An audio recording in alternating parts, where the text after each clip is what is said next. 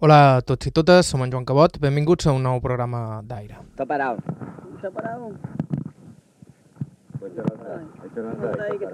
No sabem l'any exacte, probablement era el 1980, quan una brigada de forestals, degut a un temporal, varen quedar atrapats a sa Dragonera durant uns 15 dies.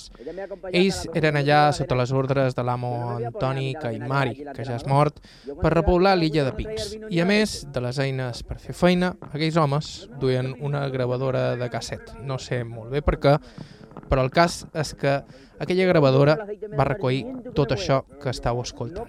Aquesta és l'amo Antoni. Y ya está, y Está marcha. Es lo que quiere.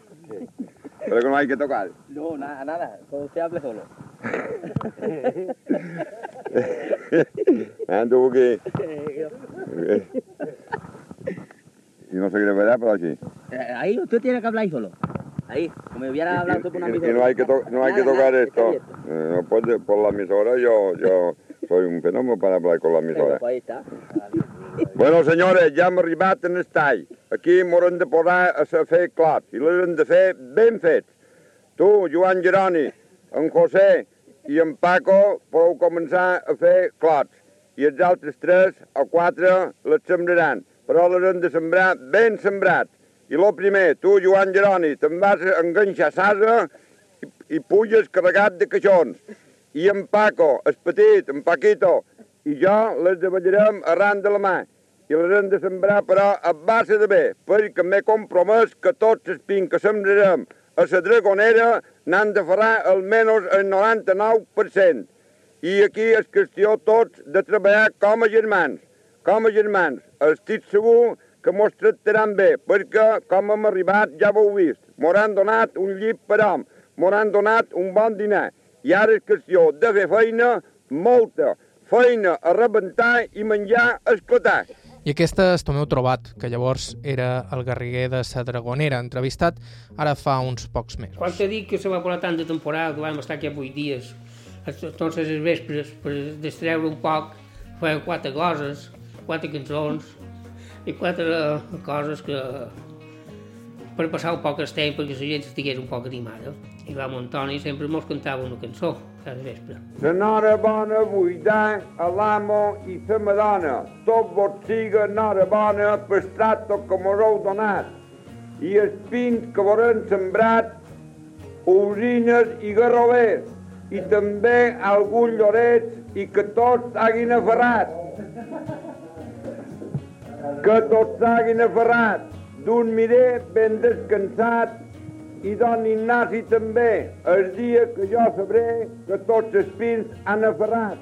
Escoltar aquelles cintes com viatjant al temps, transportar-se a aquelles nits a sa Dragonera, on un matrimoni i la seva criatura i una brigada de vuit homes varen estar 15 dies sense poder sortir de l'illa. També és l'excusa perfecta per conversar amb Tomeu Trobat i la seva dona, Antònia Salvà, els darrers posaders de sa Dragonera, que més eren allà durant l'ocupació de l'illa el 1977, una fita històrica que marcaria el naixement del moviment ecologista a les illes i alimentaria els somnis de la contracultura durant la transició. Estau escoltant Aire a IB3 Ràdio, us parla Joan Cabot, començam.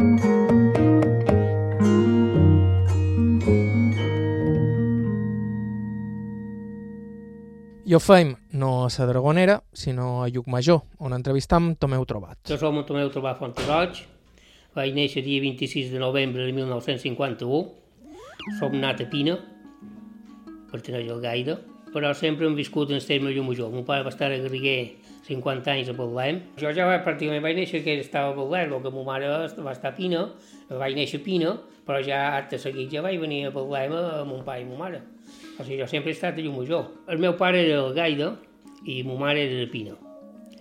El que va, estaven el so, el so propietari de Betlem, mon pare sempre havia fet feina amb ell, amb altres finques que tenia el Gaire i això. Vaig anar a escola fins als 14 anys. En els 14 anys vaig començar a fer feina al Dorado. Vaig començar de botones a recepció. Vaig estar dos anys de botones, d'ajudant de recepcionista, recepcionista. Vaig acabar de jefe de recepció i llavors em van oferir la plaça a la Dragonera.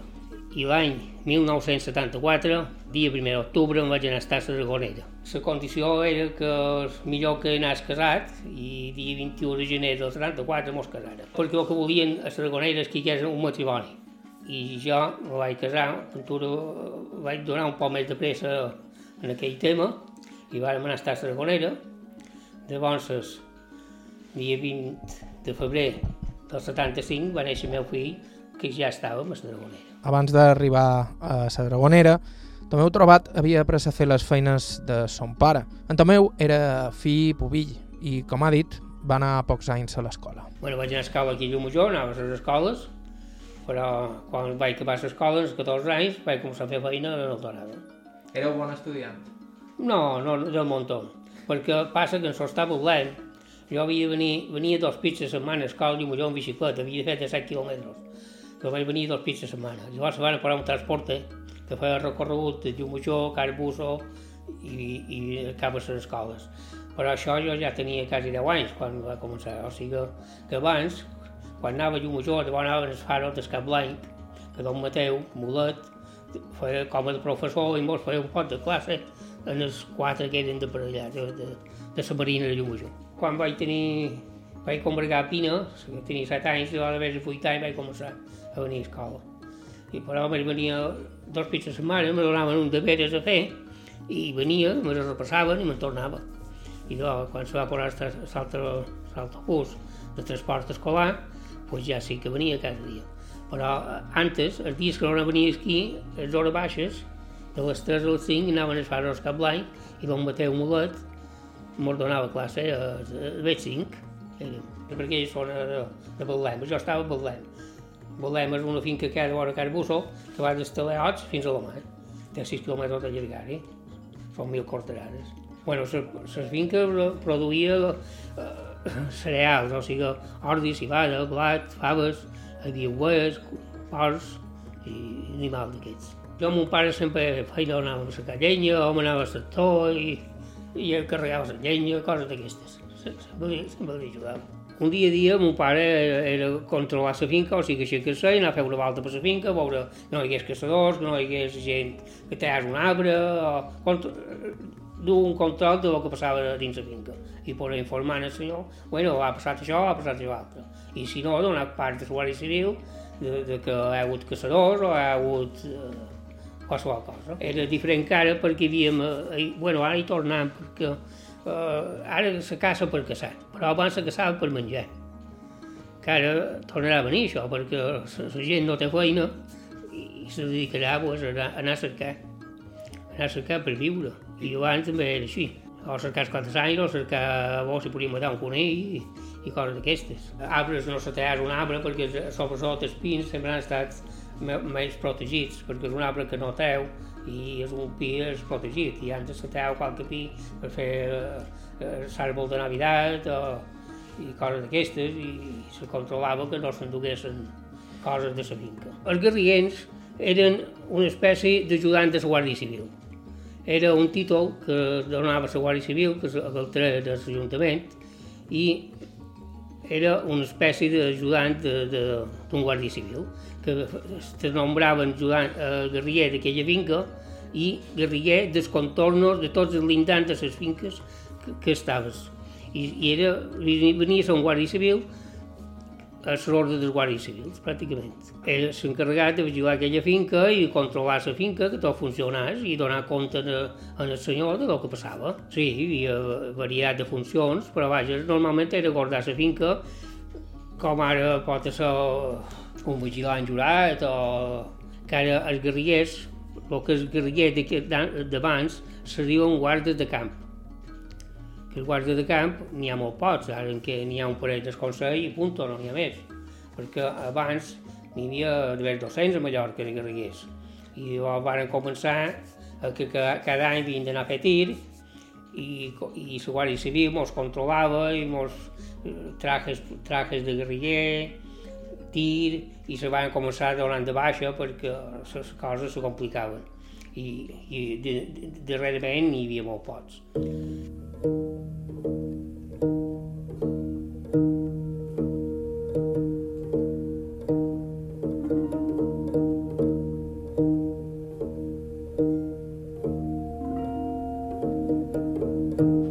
Els guerriguers van tenir durant anys un paper també important en un altre dels negocis que es donaven, sobretot a les zones de costa, el contraband. Molts, a més de guardar les finques, eren els encarregats de guardar els secrets, també a la Dragonera. Els tesos contrabando és més la Guàrdia Civil, i va haver carabineros, i és eh, aquest tema.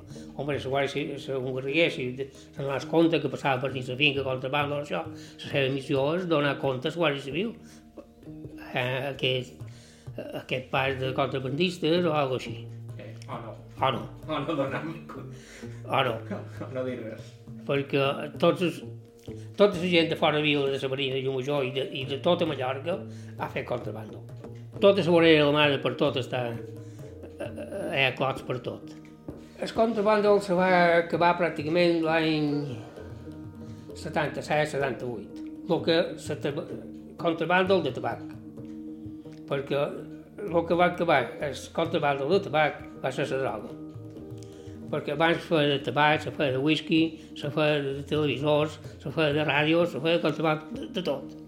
De cafè se n'ha fet molt, però quan se va posar l'o de la droga, entonces se va posar més rigorós i van controlaven més i van espanyar el tabac. Però durant moltes dècades el contraband Va donar a guanyar molt de dobbers a molta gent. La Dragonera mateix n'hi ha diversos. S'utilitzava la Dragonera. Supos que, que per... El propietari interior, abans de, de don Joan Fleixes, era l'únic que feia pràcticament.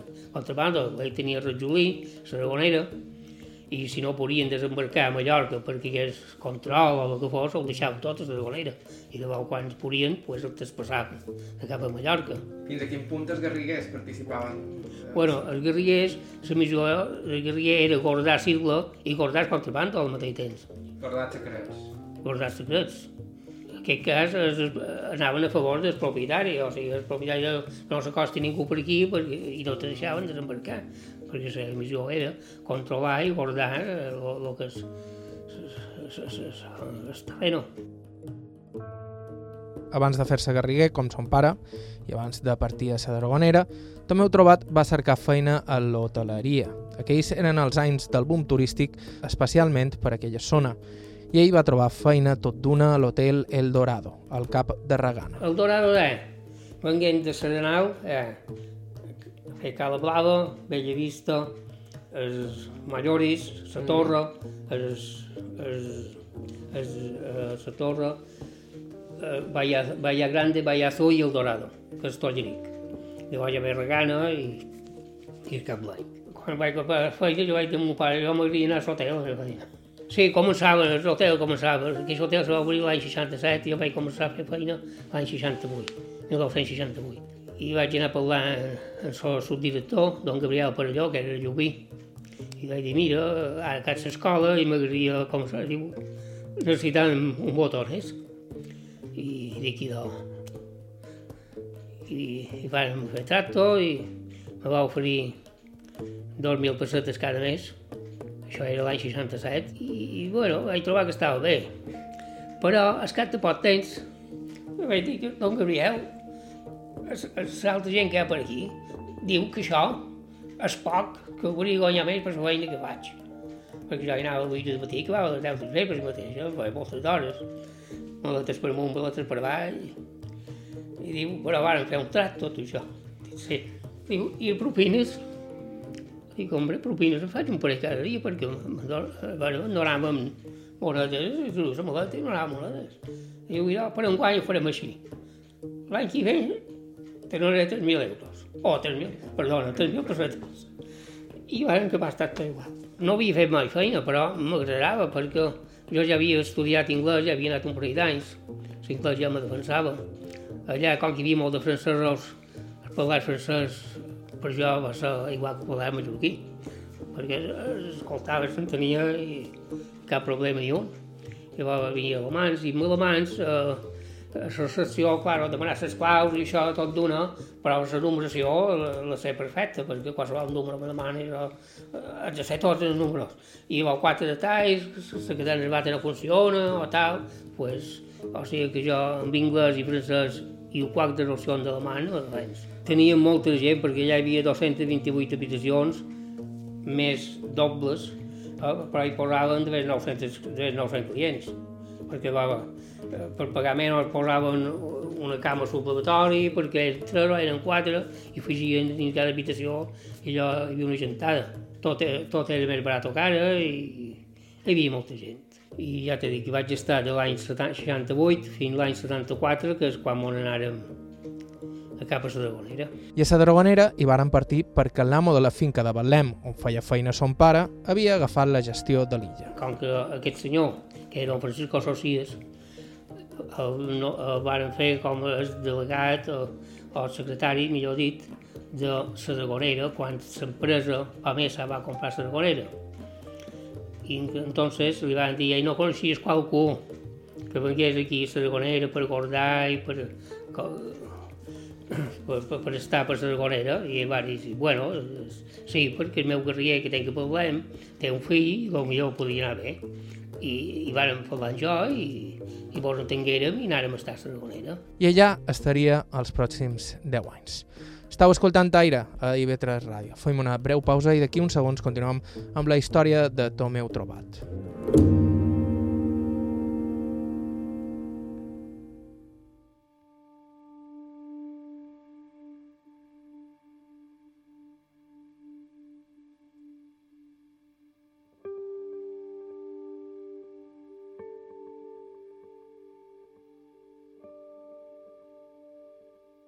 Hola de nou, som en Joan Cabot, això és Aire, i avui el nostre protagonista és Tomeu Trobat, de Rec Garriguer de la Dragonera. Abans de continuar, vos recordam que sempre estem cercant testimonis interessants, gent que ens pugui parlar de com eren les coses abans o que hagi viscut fets insòlids o simplement personatges amb històries de vida interessants. Si teniu qualsevol proposta o suggeriment, ens podeu escriure a aire.ivetresradio.com aire arroba ib3radio.com o deixar-nos un missatge al 971 13 99 31. 971 13 99 31.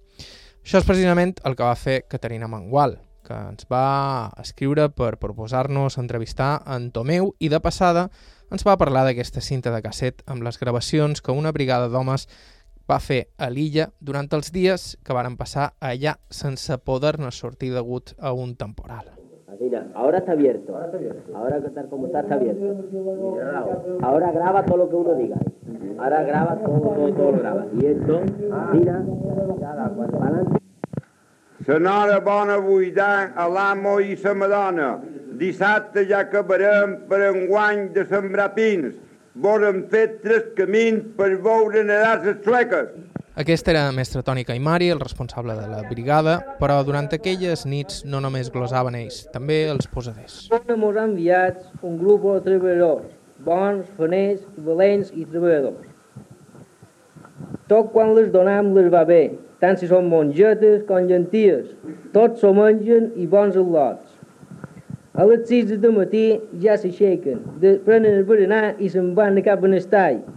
Sembren pins, pinyons i crec que tot ferrarà, perquè tan bé ho fan que no en pot fallar cap.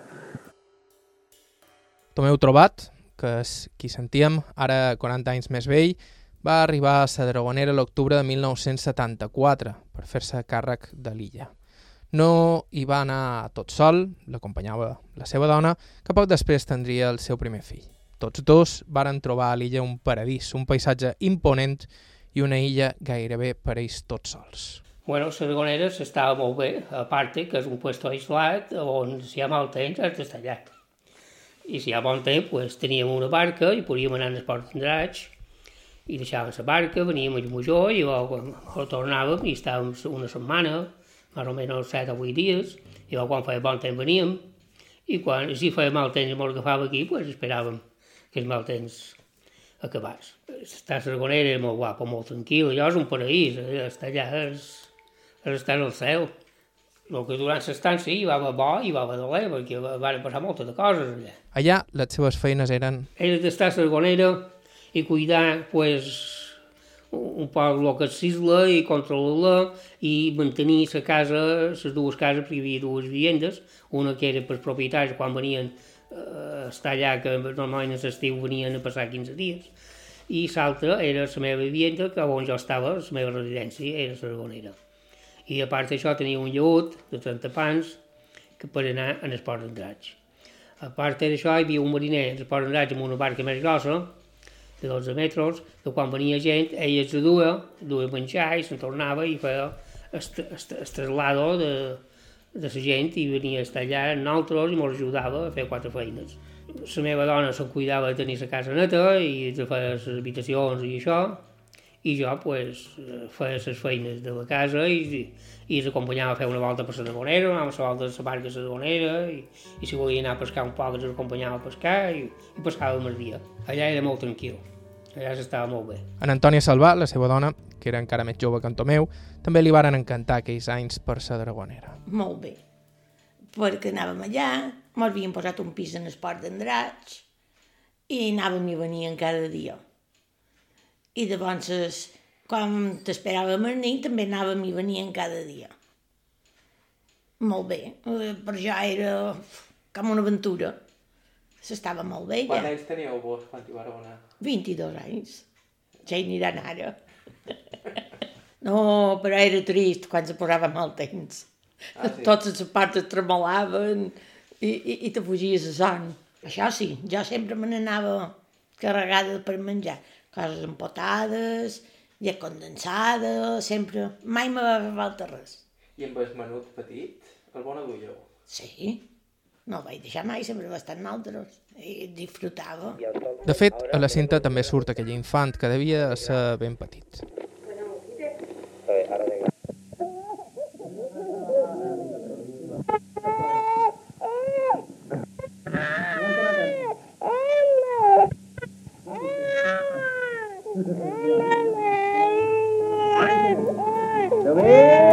Bueno, el meu dia era aixecar-nos i mirar la mare a veure si feia mal temps o, o com estava.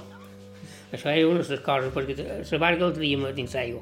Però si veiem que se posava mal temps, el que fèiem, teníem un puesto per treure-la, un lavadero, i, i traiem amb un gigre, i l'estiràvem i la traiem. Perquè si se posava mal temps, pues, eh, dins de cada lledor, que és la caleta aquella que és, es posaven correnties i coses rares i no era segura.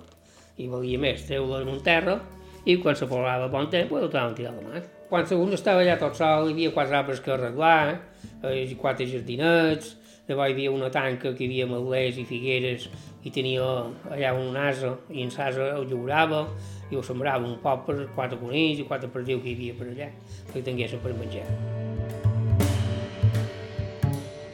La Dragonera té de punta a punta per la carretera que hi de cap a Llebeig hi ha 5 quilòmetres de la casa, dient, i de cap a Tramuntana n'hi ha dos. Té 7 quilòmetres de carretera. El que és estreta, el puesto més ample té un quilòmetre. Uh, hi ha puestos que uh, té de 50 metres, en el cap de, de Llebeig és molt estret, però en metres quadrats no sé exactament quants metres són, però ja t'he dit, són 7 quilòmetres de carretera, rectes són 5 quilòmetres. Jo ja tenia un mobilet i, i recorria, però també m'agradava donar la volta a vegades a peu, donava la volta, m'anava cap a Tramuntana, o voltava per damunt, i tornava la volta i sortia cap de Llebeig i va tornava. Per fer aquest recorregut a 3 hores o, bones es vol la mà, vol les barques, ho vol tot. El que has de sacar és bo, perquè si fa vent te molesta un poc.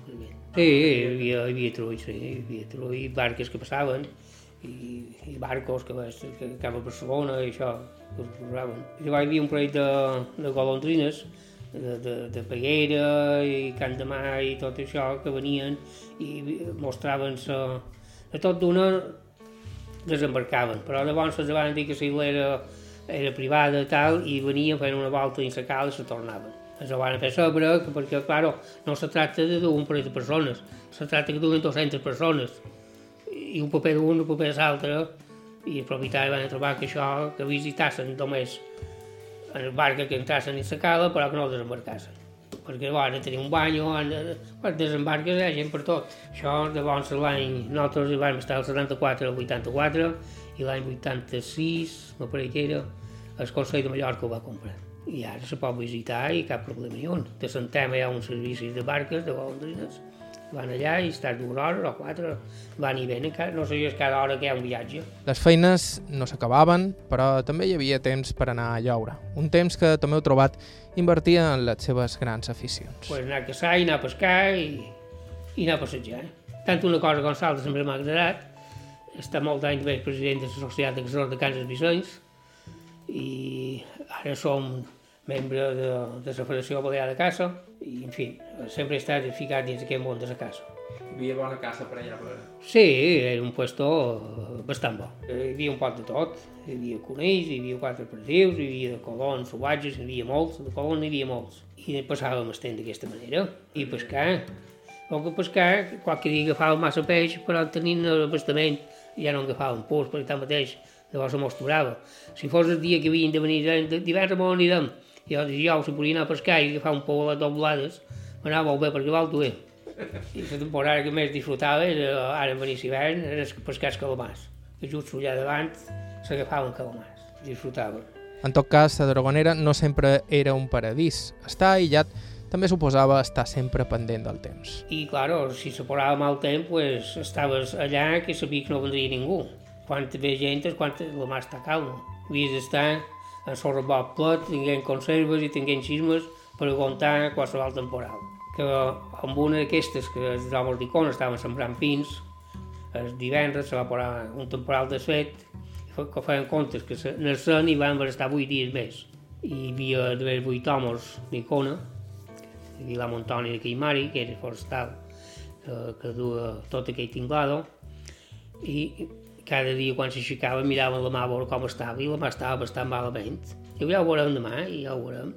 I van haver passar 8 dies sense que vengués ningú a cercar-nos. Va ser durant aquells dies que es varen gravar els extractes que hem estat escoltant, trets d'aquella cinta de casset que és una autèntica joia. ¿Te hay que apretar aquí? Ahora, ahora, ahora está abierto, porque la cinta se mueve. Cuando se vaya a comenzar va. Bueno, Joan Geroni, uh, això ja són de ver les cintes cap vespre i la barca m'apareix que no s'estorbarà a venir. És qüestió de plegar les eines ben aplegades, ordenar-ho tot ben ordenat i jo m'aniré i regaré els caixons que estan plens de pins perquè estiguen ben conservats per dilluns si tornem. Ara, tu ara, ara tu em pots dir... Antoni, aquests homes per mi no tornaran, perquè ho troben això que és molt lluny, hi ha molt de mal temps, per passar la mà i aquestes coses per mi no tornaran. Uh, molta feina i no els va molt bé això. Escolta, Joan, jo troc que aquests homes tenen tota la raó que hi va un temps desesperat. Però aquests homes no se poden queixar de res més, més que del mal temps, perquè aquí el tracte que han tingut tant de l'amo com de la madona ja no ha res més en van, perquè m'hauran tractat com a cavallers.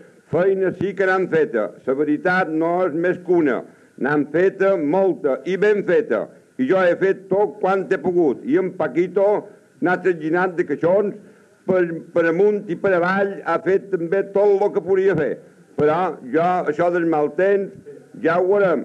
Jo, eh, això també, jo estic molt, molt, molt enfadat de veure que en l'estiu, tot l'estiu, tenen de passar pena en el foc. I ara haver de passar pena també amb aquest mal temps i, i, i aquí m'ajut la vida per tot. Escolta, Joan, fa tres mesos que estic desesperat perquè vam acabar el foc. Llavors, venga, fet la faretxa de menut. Tu saps que me vaig aprimar 5 quilos de passar pena perquè no fugissin. I ara aquí passar pena per poc que no m'ho neguem. No sé jo, escolta, no sé com som viu, Joan. Bueno, pues no abierto no está esto. Está abierto todavía, Mira, está abierto la madonna muy buena, pero yo las anteas no me van bien. Ahora, si me pone carne de pollo, y me pone carne de pollo torrada, una larga bien grande, eso me va muy bien, pero la antea que no me ponga ni una. Joan Geroni, que no ho sigui grau, això. L'any passat, feia 39 anys que era casat. Ho vaig haver d'estar tot Mabó. Per allà, fred, molta feina, com tu saps, més normal, que tot va anar més bé que bé. Tota la llavor que vaig sembrar, segons diuen els meus superiors, tota va ferrar. Més normal, més normal. I ara enguany, haver d'estar a la dragonera i també haver d'agafar aquest mal temps. Jo, això, per ahir mentida, un home com jo, que ja ha estat a la guerra, ja no me van matar perquè no sé per què. I ara guerra uh, uh, per allà i guerra per aquí. I en l'estiu, foc per amunt i foc per avall. Amb una paraula, jo serà el que Déu voldrà. Au, adiós tots.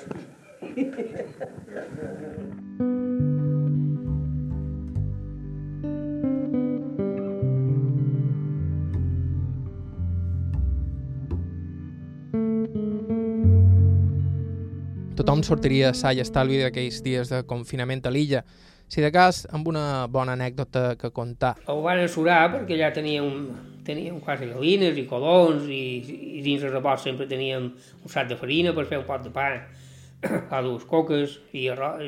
No, no van passar gana. Quan te'n vas sempre t'envien de menjar. Si estaré 8 dies, t'anàs de per 15 dies que no és problema, perquè pot tenir unes lates de, de, de, de ciurons o de mongetes, o t'endut lo just de carn, que carn eh, pràcticament no me faltava, perquè volia anar a pescar, teníem peix i, i amb una galina, i això, menjar no me va faltar mai. Però vaja, això per nosaltres no era problema, perquè sempre havíem estat a fora vila i, i antes no és com ara. Agafes el cotxe i te vas el poble. Antes estaves a fora vila i estaves vuit dies sense anar al poble. O sigui que això eh, per nosaltres no era problema. Però si parlant d'anècdotes, hem de parlar del 7 de juliol de 1977 i de l'ocupació de la Dragonera. Vos éreu allà. I jo era allà. Escoltarem la història d'aquella ocupació contada per Tomeu Trobat i la seva dona després de la pausa.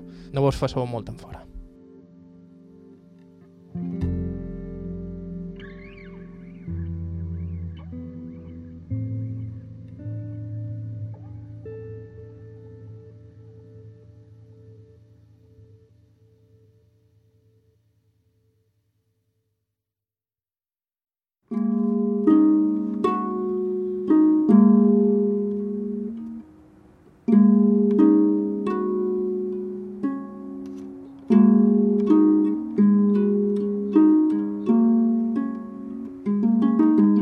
Hola de nou, estàu escoltant Aire, a IB3 Ràdio, em dic Joan Cabot. Abans de continuar, la lletania habitual. Vos record que la millor manera de no perdre's cap dels nostres programes és subscriure's al nostre podcast a qualsevol dels agregadors disponibles i que podeu escoltar aquest i qualsevol dels nostres programes anteriors a ib3.org barra carta.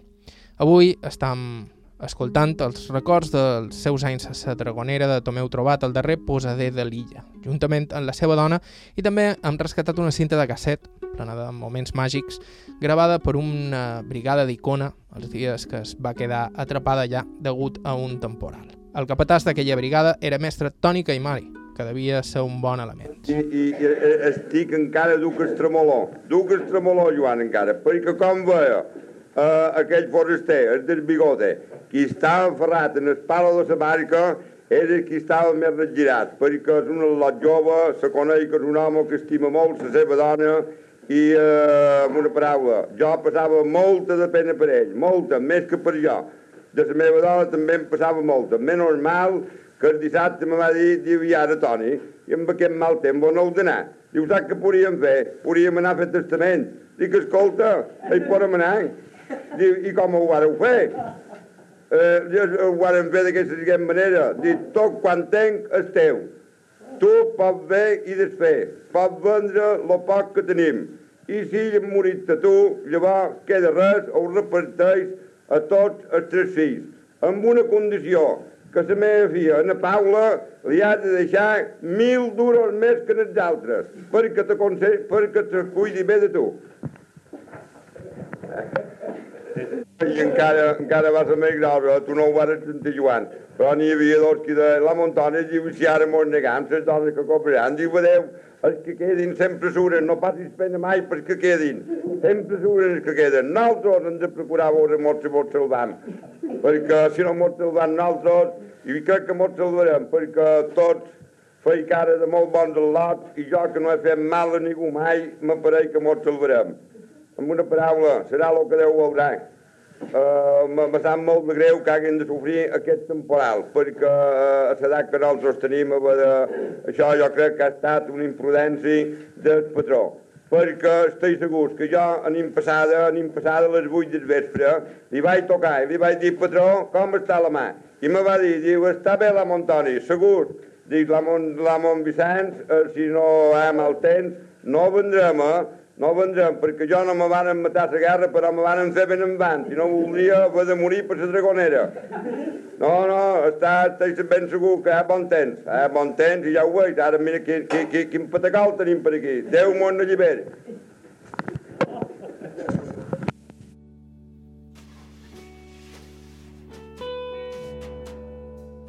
Antoni Caimari i els seus homes s'escaparien de la Dragonera, però serien gairebé tan recordats com uns visitants anteriors. Les prop de 50 persones que, convocades per Terra i Llibertat i per Telellot Corcat, varen participar en la històrica ocupació de l'illa. El dia 7 del mes 7 del 77, la Dragonera va ser invadida, perquè no volien que s'urbanitzés.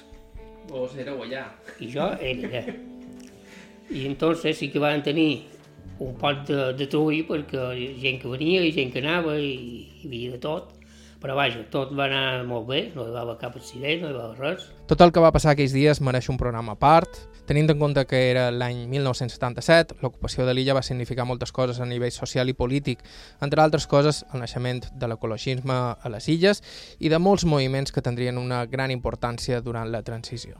A l'altre costat, però, hi havia un matrimoni jove, un poc estorat, però que es va aprendre tot allò a la mallorquina. L'ocupació de dia 7 de juliol del 77 va ser una invasió bastant, bastant grossa perquè quan ens aixecàrem de matí ja érem el moll ple de gent. I la meva dona va ser la primera, va dir, Tomeu, hi ha molta gent per aquí. I van davallar a veure què passava i, clar, va, la va estar invadida i veníem perquè, per això, per defensar la Dragonera perquè no s'urbanitzés. I bueno, i ja van donar compte als propietaris i se van moure, per enviar una parella de Guàrdia Civil per estar nosaltres allà, per controlar un poc el tema, gent que cruzava de Santem nedant, altres en rodes pneumàtiques, de, de tota manera, un que la corrent del s'endú el van per anar a cercar mig del canal, i va dir, a on mos duis? Perquè jo m'he dat l'ordre que ens dugués a Santem. Van dir cap a Santem. Una altra vegada diu, no, si me duis Santem, a tira la mà. I, i, i degut a això van dur la dragonera en les altres i, no va passar res, però... Com va ser la vostra primera interacció amb la gent que venia? Bueno, se- no, la gent va ser molt amable i se va, se va dur molt bé nosaltres i cap problema. Si necessitaven aigua venien i tots donàvem aigua i cap problema. No, no, no, no van tenir cap problema ni uns, la gent. Era molt noble, ells venien per, per la seva... Tenien una missió que complir, que era ocupar la dragonera i punto. I vos què pensàveu quan estàveu mig d'aquest bullit? Bueno, ja ho veurem, ja veurem què serà demà.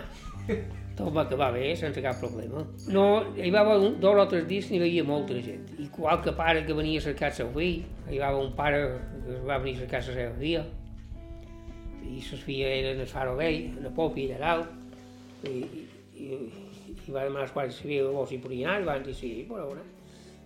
I no sé, me penso que se l'en van endur filla.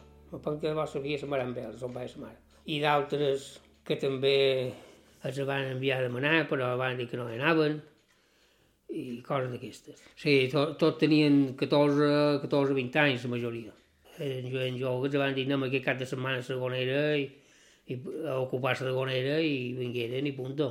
Però feia bon temps i anaven i disfrutaven també. Era un campament i Sasa, un vespre se va entrar al campament, allà on gent, i tenien víveres, menjar, i el se va fotre tot. Saps que li deien el bal? El bal, A l'illa, com han dit, no només hi havia en Tomeu i el Batlle, també hi era Antònia, la seva dona. I, I el dia de l'ocupació, com el recordeu? Jo vaig anar baix, a la casa dels senyors, preparava per si venia la barca, i li vaig dir, Tomeu, ha vengut una golondrina carregada, li vaig dir. I diu sí, dic sí, i ja n'hi ha que són a la fara de Tramuntana, tot carregats amb bosses i motxilles. Diu, i en Tomeu tot d'una va de ballar i se va demanar. Diu, és una manifestació que feim. Fa res, fa tot Sí, pacífic, no, no hi va gent de renou. Nosaltres tampoc no els van xerrar malament, ben alerta. Tenien ses de perdre, allà. I llavors els senyors tenien por de que no entrassin a la casa o això, i me'l van enviar a la Guàrdia Civil, però la Guàrdia Civil també dormien a de dins. Això va durar 8 dies o 15. L'arribada va ser molt, molt alegre, ara la, la partida va ser trista, segons per aquí, perquè hi havia pares que venien a cercar els fills, però já creo que academia livre, ele é uma 10.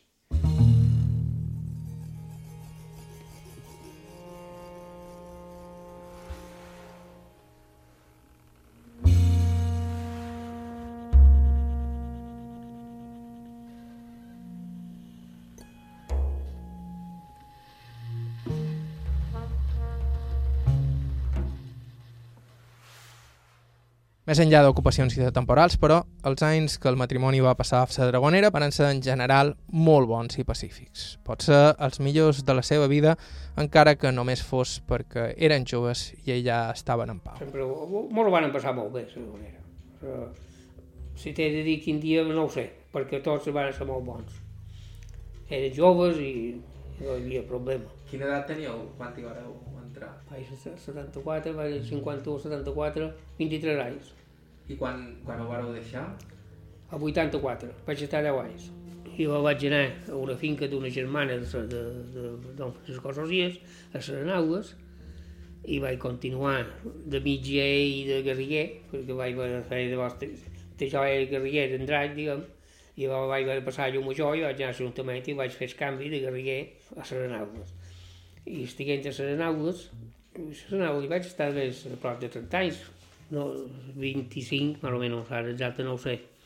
Llavors vaig anar en el Consell de Mallorca, de guarda de camp, bueno, de guerriller, però ja serà guarda de camp, a substituir un que en tenien de malalt.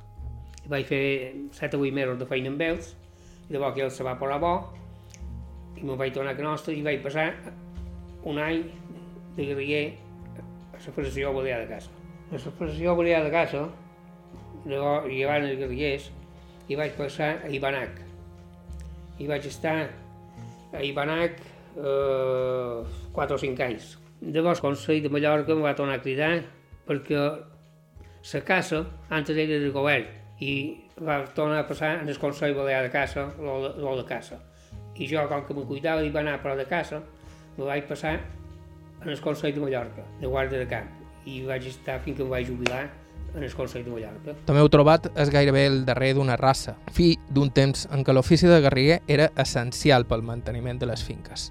Potser convendria que els féssim tornar. Les finques privades, totes, totes o la majoria, el 90% tenien un guerriller i qualcun dos, perquè si és a vall mateix n'hi havia 4 o 5, o sigui, depèn de, de, del tamany de la finca, però totes tenien un guerriller o dos o diversos. Que la missió del guerriller només era guardar la finca. Això ha anat a menys, perquè se va complicar en la Guàrdia Civil, que més exercici, més tir i més... i han anat llevant guerrillers. I els pocs que van quedar feien de guerriller i d'amos a finca, perquè també han llevat gent a les finques. Totes les finques hi havia 14 o 15 missatges, van començar els tractors, ha llevat gent, perquè el tractor fa la feina de 10 homes, i entonces el guerriller, molts de guerrillers van quedar d'amos o de mitgers a la finca i feien de guerriller i de mitger. I amb un tractor ho sembraven tot i ho lliuraven tot i feien tota la feina que abans feien 10 homes. Els, els tractors, la maquinari, el que ha llevat la feina a molta gent. Perquè antes totes les finques hi havia 10 o 12 o 15 persones lliurant, sembrant, fent verdissa, arreglant arbres, cuint meles, cuint garrobes, i ara amb una màquina ho fan tot. I això ha llevat molts, molts, moltíssims jornals. Tornant a, a, a abans, pues, és, és, és mal de ser perquè hi ha molta feina que fer. Però feina, si en volguéssim fer, n'hi ha molta. Però molta, a fora viu. Totes les finques estan abandonades. Les finques se peguen fort perquè no els retalla. Els pins no els motxen cap. Tot eren les branques, des damunt fins a baix. Els pins se'ls motxaven. Totes les branques per fons fer foc. Feien feixines. Hi havia un home amb un carro que es traginava aquelles feixines, no feia més que es traginar feixines cap al poble en els forns. Avui tot això no se fa. No hi ha cap foc que funcioni en llenya. Quan tu en trobaràs una Mallorca o dos. Tot que van en Garroil o l'electricitat. La casa va afectada perquè se sembra menys i se cull antes d'hora. O sigui, en aquell temps segaven, batien de moncera i durava molt. Ara se posen a cossetxar, o millor dit, abans ja fan rotllos, ho seguen, no el deixen ni granar, lleven tot el sembrat i el que queda el cossetxen en dos dies. I el mes de juliol ja no ha sembrat i la casa li falta aliment. Que ara moltes de finques, molts de caçadors, el que van és posar menjar. Posen menjar perquè falta menjar a les finques. Les enfermedats de la simatosis dels conills i, i la vírica i tot això n'ha mort molts, perquè han quedat a Mallorca sense conills, pràcticament. Hi ha quatre redals de conills petits, però el resto de Mallorca, eh, el 80% de Mallorca no hi ha cap conill. Ara es queixen femilat ha pegat les llebres. A les llebres se moren totes. I això no té res que veure amb menjar, són femilat com ens ha pegat el coronavirus a nosaltres.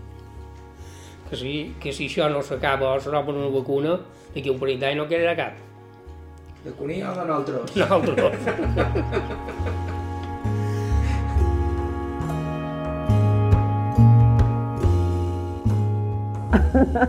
a la madura Antonia y al, señor Tomeo de la Dragonera.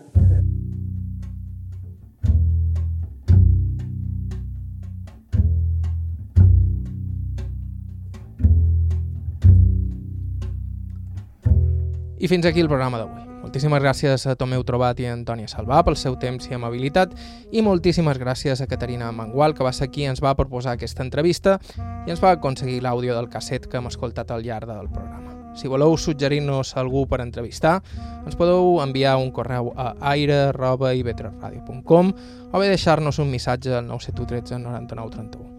Vos podeu subscriure al podcast d'Aire a qualsevol dels agradadors disponibles i ens podeu escoltar també a ivetres.org barra carta on hi trobareu aquest i tots els nostres programes anteriors.